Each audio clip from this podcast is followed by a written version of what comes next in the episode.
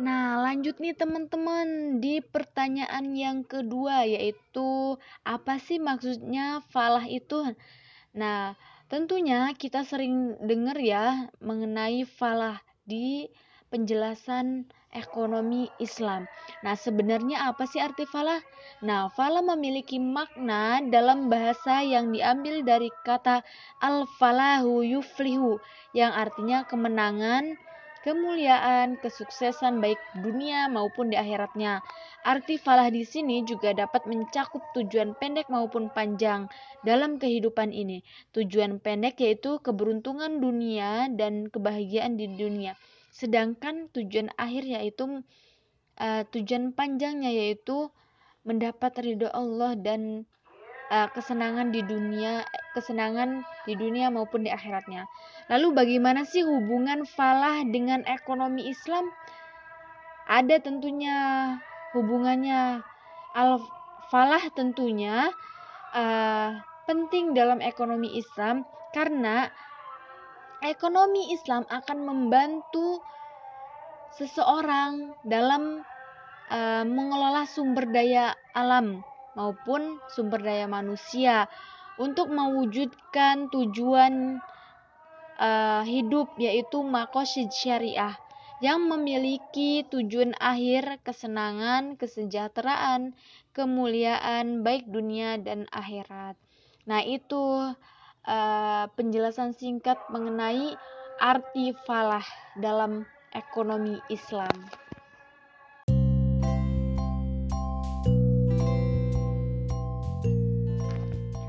Assalamualaikum warahmatullahi wabarakatuh. Selamat pagi buat teman-teman. Semoga tetap dalam keadaan sehat walafiat. Nah, di sini perkenalkan nama saya Siti Khairunisa dari AS19C dari Sekolah Tinggi Ekonomi Islam Sebi.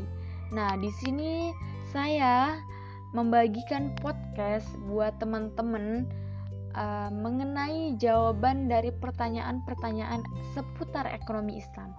Nah, di bab evaluasi bab 1, saya akan menjawab langsung nih, apa saja sih nilai-nilai ekonomi Islam? Nah, nilai-nilai ekonomi Islam ada empat. Yang pertama dari segi kepemilikannya. Segi kepemilikannya, harta adalah milik Allah Subhanahu wa taala, sedangkan manusia hanya sebagai pengelola atas dasar ikhtiar dan doa. Dan harta uh, manusia manusia itu tidak boleh untuk menuntut dan tidak pula untuk membentuk harta tersebut. Nah, manusia memiliki harta pribadi atas dasar kepemilikan dari warisan, hibah, atau dari hasil kerja keras dan doa. Nah, penggunaan sesuai kebutuhan manusia dijelaskan pada firman Allah Quran surat Al-Baqarah ayat 195 yang artinya dan belanjakanlah harta bendamu di jalan Allah dan jangan kamu menjatuhkan dirimu sendiri ke dalam kebinasaan dan berbuat baiklah karena sesungguhnya Allah menyukai orang yang berbuat baik. Nah, telah dijelaskan pada firman tadi, uh, firman Allah Quran surat Al-Baqarah ayat 195 bahwasanya kita harus menggunakan harta itu di jalan Allah dan dipergunakannya dengan sebaik-baik mungkin. Dan yang kedua yaitu nilai ekonomi Islam. Yang kedua yaitu tentang keadilan dalam berusaha. Nah, keadilan merupakan suatu nilai dasar ekonomi yang dinilai uh, bukan hanya sebagai pembagian sama rata, tetapi Islam mendefinisikan bahwa keadilan merupakan kesetaraan pendapatan hak milik dan juga uh, hak pengelola miliknya. Dan uh, manusia berhak mendapatkan penghargaan dalam arti mampu dihargai oleh semua orang gitu kan. Nah, ada penjelasan mengenai keadilan pada firman Allah Quran surat Al-Maidah ayat 8 dan juga firman Allah Quran Surat Al-Baqarah ayat 27 yang artinya hai orang-orang yang beriman nafkahilah di jalan Allah sebagian dari harta usaha dari hasil usaha yang baik-baik dan seba dan sebagian dari apa yang kami keluarkan dari bumi untukmu. Dan janganlah kamu memilih yang buruk-buruk lalu memunaf menafkahkan daripadanya. Padahal kamu sendiri tidak mau mengambil melainkan dengan mencicingkan mata terhadapnya dan ketahuilah bahwa Allah Maha Kaya dan juga Maha Terpuji. Nah, dari firman Allah di atas telah dijelaskan bagaimana Islam memerintahkan kita dalam mengolah harta dan adil terhadap sesama manusia atas kesetaraannya sebagai makhluk Allah ciptaannya. Uh, yang ketiga yaitu kerjasama dalam kebaikan. Nah, dalam ekonomi Islam, tentunya hasil yang kita peroleh bukan uh, semata-mata hanya usaha kita, melainkan usaha yang baik itu berkat dorongan orang banyak, orang-orang yang menguatkan kita atas keberhasilannya, dan juga hasil yang terbaik yaitu kerjasama antara sektor lingkungan dan juga sektor sosialnya gitu kan. Nah, penjelasan ini telah didasari oleh firman Allah Quran Surat Al-Ma'idah ayat 2 dan juga Al-Baqarah ayat 148. Nah, selanjutnya nilai uh, ekonomi selanjutnya yaitu pertumbuhan yang seimbang. Nah, Indonesia itu kan kaya ya antara uh, sumber daya alamnya dan ciptaan Allah atas izin Allah nih. Nah, uh, Indonesia dimanfaatkan sumber daya alamnya harus seimbang antara pelestarian alamnya dan juga pemanfaat pemanfaatan alamnya sehingga uh, impact yang terjadi terhadap lingkungan dan juga hasil yang akan dihasilkan itu uh, maksimal gitu kan uh, kita boleh mengambil manfaat sebanyak-banyaknya tetapi kita juga uh, tidak boleh meninggalkan dampak seburuk-buruknya terhadap uh, kesejahteraan dan juga kelestarian alamnya gitu kan. Pembahasan mengenai keseimbangan dan pelestarian alam ini telah dijelaskan oleh Allah pada Quran surat Al-Baqarah ayat 11 yang artinya dan bila dikatakan pada mereka, "Janganlah kamu membuat kerusakan di muka bumi ini," maka mereka menjawab, "Sungguh kami yang mengadakan perbaikan." Quran surat Al-Baqarah ayat 11. Lanjut di pertanyaan yang ketiga mengenai karakteristik ekonomi dalam Islam. Nah, apa saja sih karakteristik dalam ekonomi Islam? Yaitu yang pertama keadilan. Maksudnya Islam mengajarkan untuk kita untuk selalu adil dalam berbuat uh, kebaikan. Nah, Islam memaknai adil itu bukan sekedar sama rata, tetapi Islam mengartikan bahwa adil itu uh, setara pembagiannya, seimbang dalam perekonomian penduduknya, profesional dalam sistem pemerataannya, sama dengan pengakuan hak dan dapat uh, memberikan penghargaan dan seperti uh, perhatian gitu dan lain-lain. Sehingga yang didapat tidak hanya uh, kemenangan dan juga uh, menghindari kecemburuan sosial. Dan tidak ada lagi tuh yang namanya uh, segi tingkat ekonomi gitu. Semuanya sama rata semuanya uh, sejahtera sama rata. Nah yang kedua yaitu tumbuh sepadan. Ekonomi akan tumbuh dengan baik apabila mampu memenuhi syarat antara keuangan yang ada dengan sumber daya yang ada memiliki bukti real dari jual beli ataupun sumber daya yang ada. Perekonomian yang baik tidak harus memaksakan selalu tumbuh tinggi, tetapi ekonomi yang baik adalah ekonomi yang berjalan stabil, tidak memaksakan untuk mendapatkan keberhasilan dengan dalam jangka pendek sehingga hasil yang ada akan mendapatkan keberhasilan yang stabil dan memiliki potensi keberhasilan ke depannya. Dan yang ketiga yaitu mengenai uh, karakteristik bermoral. Maksudnya uh, Islam menguatkan sistem moral ataupun akhlak sebagai karakteristik dalam ekonomi Islam. Begitu pula mengenai ekonomi dalam Islam bukan hanya kinerja ataupun harta yang selalu menjadi nomor satu, tetapi akhlak juga penting. Karena dalam akhlak yang baik akan menghantarkan kita terhadap penerapan ajaran-ajaran Islam dan semakin dekat dengan Allah sehingga bukan lagi kita menginginkan keberuntungan pada diri sendiri tetapi juga kita harus berpikir dengan uh, hal yang Allah ridhoi dan mencapai keberhasilan ekonomi yang kita dapat ke depannya. Yang keempat yaitu beradab. Artinya Islam mengajarkan kepada kita semua uh, agar menjaga akhlak ataupun adab kita di mana pun kita berada karena dengan hal ini ketika kita beraktivitas dari banyaknya uh, bidang salah satunya bidang ekonomi kita mampu sportivitas mengerjakan hal-hal baik uh, terkait tujuan dengan menjaga nilai adanya suatu bangsa dan agama itu kan kalau misalkan agama Islam itu kan harus ya menjaga ahlaknya ataupun adabnya sebagai ciri seorang muslim.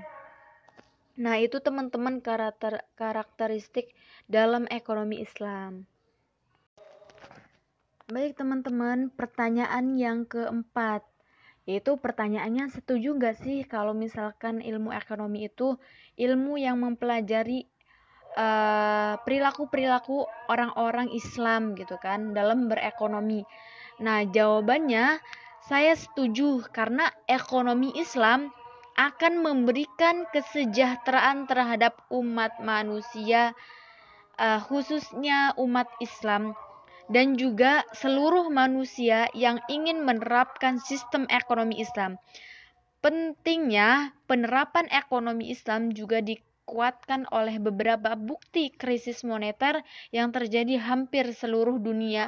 Salah satunya sistem ekonomi uh, ataupun ekonomi yang selamat adalah sistem penerapan dalam ekonomi Islam. Sehingga ada pula negara non-muslim yang ikut uh, menggunakan sistem ekonomi Islam di antaranya London, New York, dan Eko, uh, Eropa dan negara-negara lainnya.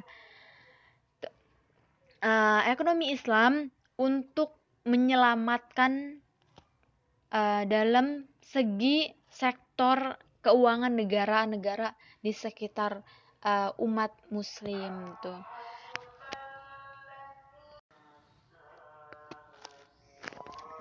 Nah, pertanyaan yang kelima yaitu mengapa sih ekonomi Islam belum dipraktekkan oleh seluruh umat Islam? Nah, penyebab ekonomi Islam belum seluruhnya diterapkan oleh umat Islam, uh, penyebabnya karena sistem ekonomi Islam dianggap sulit dan masyarakat banyak sekali yang belum mengetahui perihal ekonomi Islam sebenarnya itu seperti apa secara mendalam.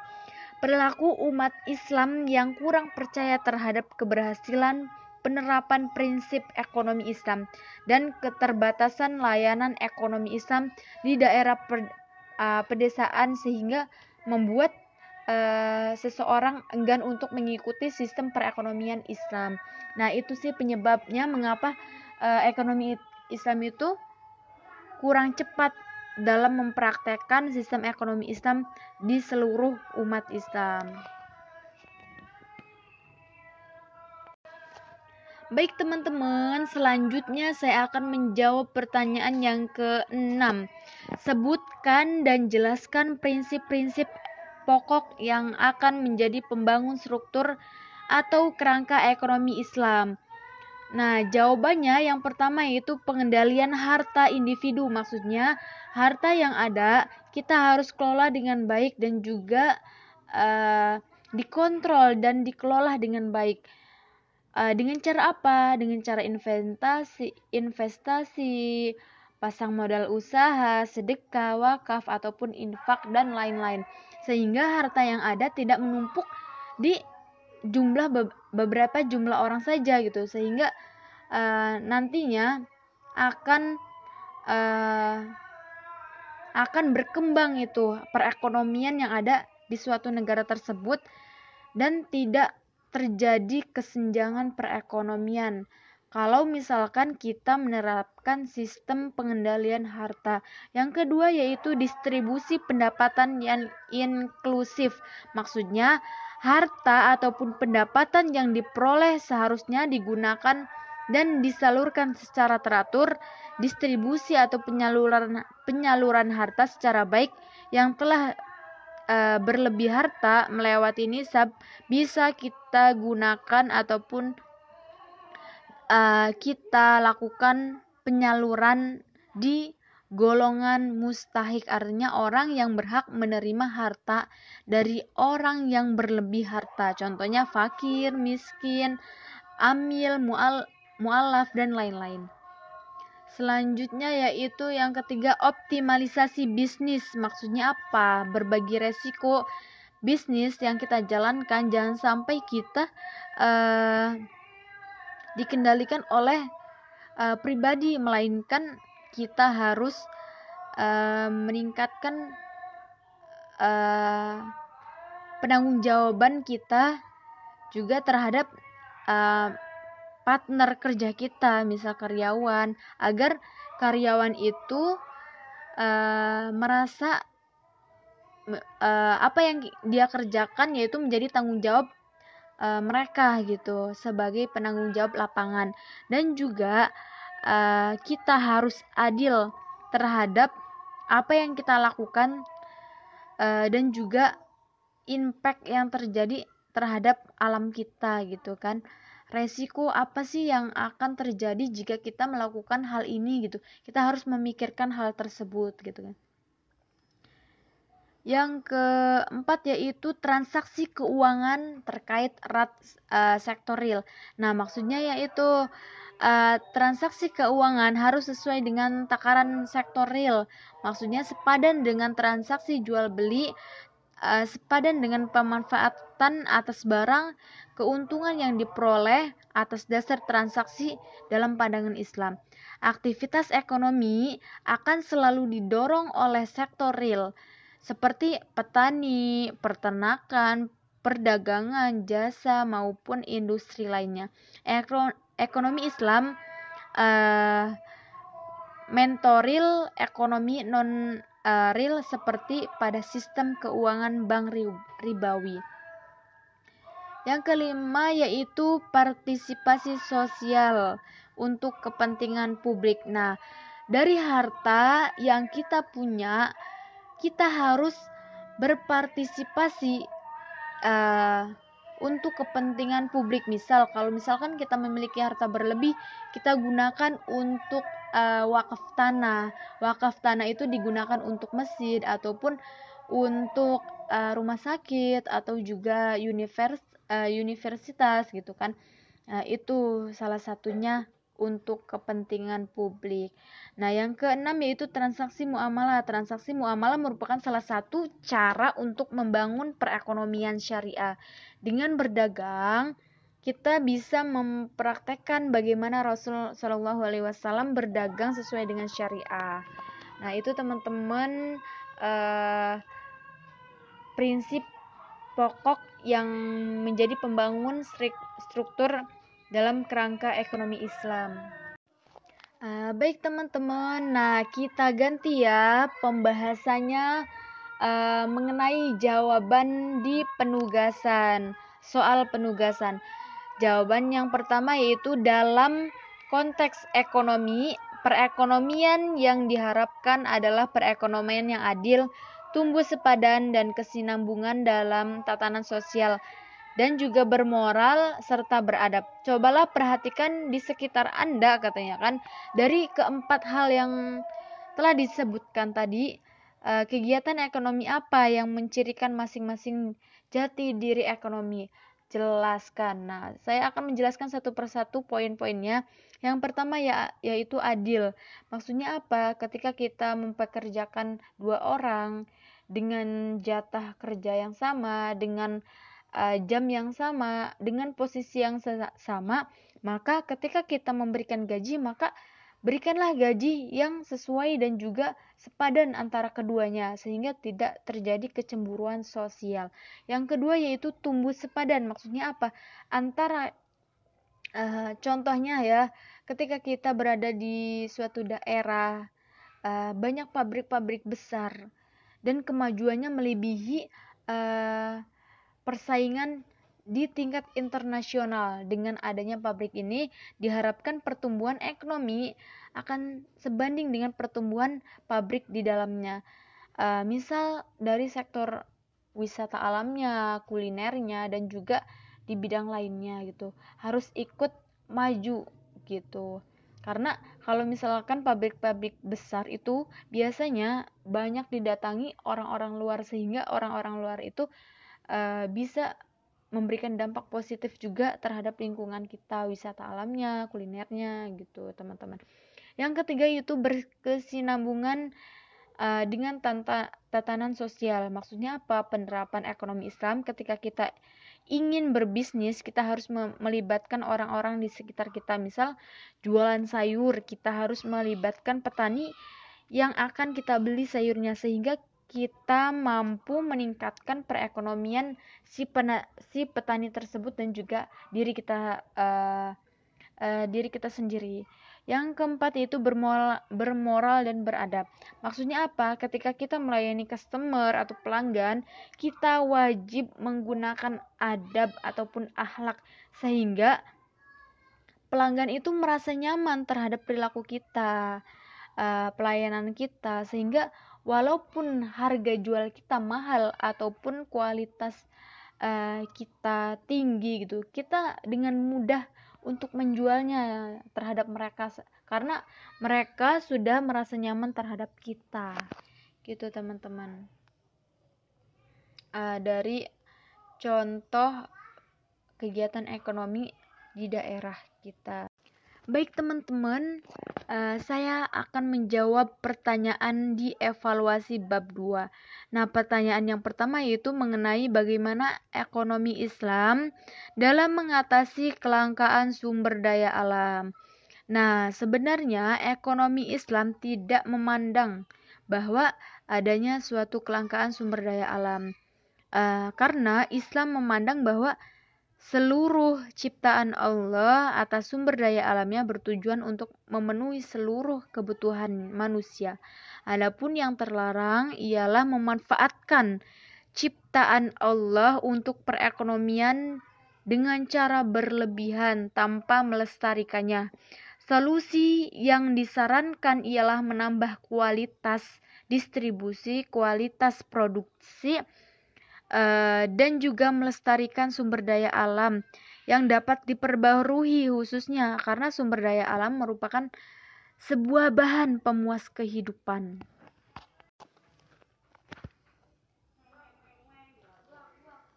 Baik teman-teman, lanjut ya mengenai jawaban evaluasi bab 2 dan pertanyaan yang kedua.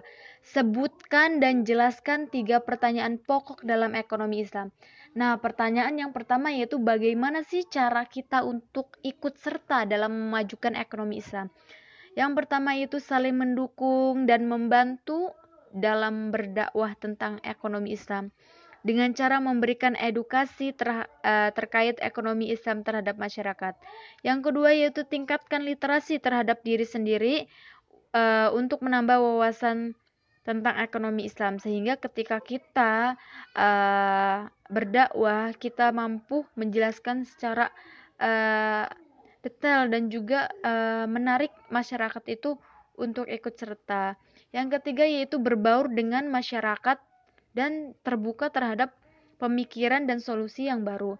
Yang keempat yaitu menggunakan fasilitas umum secara uh, secara baik dan juga bijak sehingga tidak menimbulkan kerugian terhadap pemerintah ataupun masyarakat. Pertanyaan yang kedua yaitu sebutkan tiga sistem dalam perekonomian. Sistemnya yaitu sistem pasar bebas ataupun liberal, yang kedua yaitu sistem komando, yaitu sistem ekonomi perencanaan ataupun sistem sosialis. Yang ketiga yaitu sistem campuran. Nah, yang ketiga yaitu pertanyaan yang ketiga yaitu apa yang dimaksud dengan ekonomi mikro Islam, yaitu suatu ilmu yang mem membahas kegiatan ekonomi dalam lingkup kecil, sedangkan dalam ekonomi Islam ialah kegiatan ekonomi yang didasari oleh sikap-sikap yang sesuai dengan syariat Islam dengan penerapan ekonomi Islam. Uh, selanjutnya, pertanyaan yang ketiga, sebutkan empat unsur ekonomi yang menjadi pembeda antara satu sistem ekonomi Islam dan juga ekonomi lainnya. Yaitu ada empat teman-teman. Yang pertama keadilan, yang kedua tumbuh sepadan, yang ketiga bermoral, dan yang keempat beradab. Nah, baik teman-teman, pertanyaan yang keempat yaitu bandingkanlah antara ekonomi Islam dan ekonomi pasar apakah ada persamaan dan perbedaannya dari keduanya Nah, saya akan menjawab per perbedaannya terlebih dahulu. Nah, pemilik mutlak ekonomi pasar adalah manusia, sedangkan uh, pemilik mutlak ekonomi Islam adalah Allah Subhanahu wa taala. Sedangkan manusia hanya sebatas pengelola dan hak miliknya terbatas oleh aturan Allah. Dari hak pemanfaatannya, ekonomi pasar uh, manusia bebas memanfaatkan sumber daya alamnya sedangkan ekonomi Islam pemanfaatan ditentukan oleh aturan Allah Subhanahu wa taala. Sedangkan persamaannya, kedua-duanya boleh dimanfaatkan oleh manusia, sama-sama boleh dimiliki oleh manusia, keduanya boleh bertumpu pada mekanisme pasar dan keduanya juga penanggung jawab uh, terhadap diri sendiri secara ekonomi teknis. Uh, baik teman-teman, kita beralih di penugasan yang kedua. Nah, yang pertama yaitu amatilah empat jenis angkutan umum di tempat umum uh, dekat tempat tinggal saya gitu kan. Yaitu angkutan umum seperti bis, kota, taksi, gojek, becak. Diperkirakan urutkan katanya kan, urutkan yang paling langkah itu uh, angkutan mana gitu menurut pandangan saya dan juga pandangan ekonomi Islam.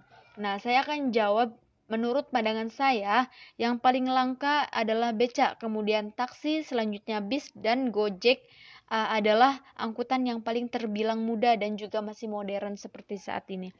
Dan menurut uh, ekonomi Islam, jenis angkutan yang paling langka juga yaitu becak. Karena becak itu uh, dipergunakan sebagai angkutan umum itu pada abad ke-20, tepatnya tahun 1940. Sedangkan bus yaitu tahun 70-an uh, eh, digunakan untuk transportasi sehingga uh, sudah dipastikan uh, dari dua tersebut yang paling langka adalah beca dan angkutan umum lainnya adalah angkutan yang uh, akan dipergunakan oleh Indonesia sesudah angkutan tersebut.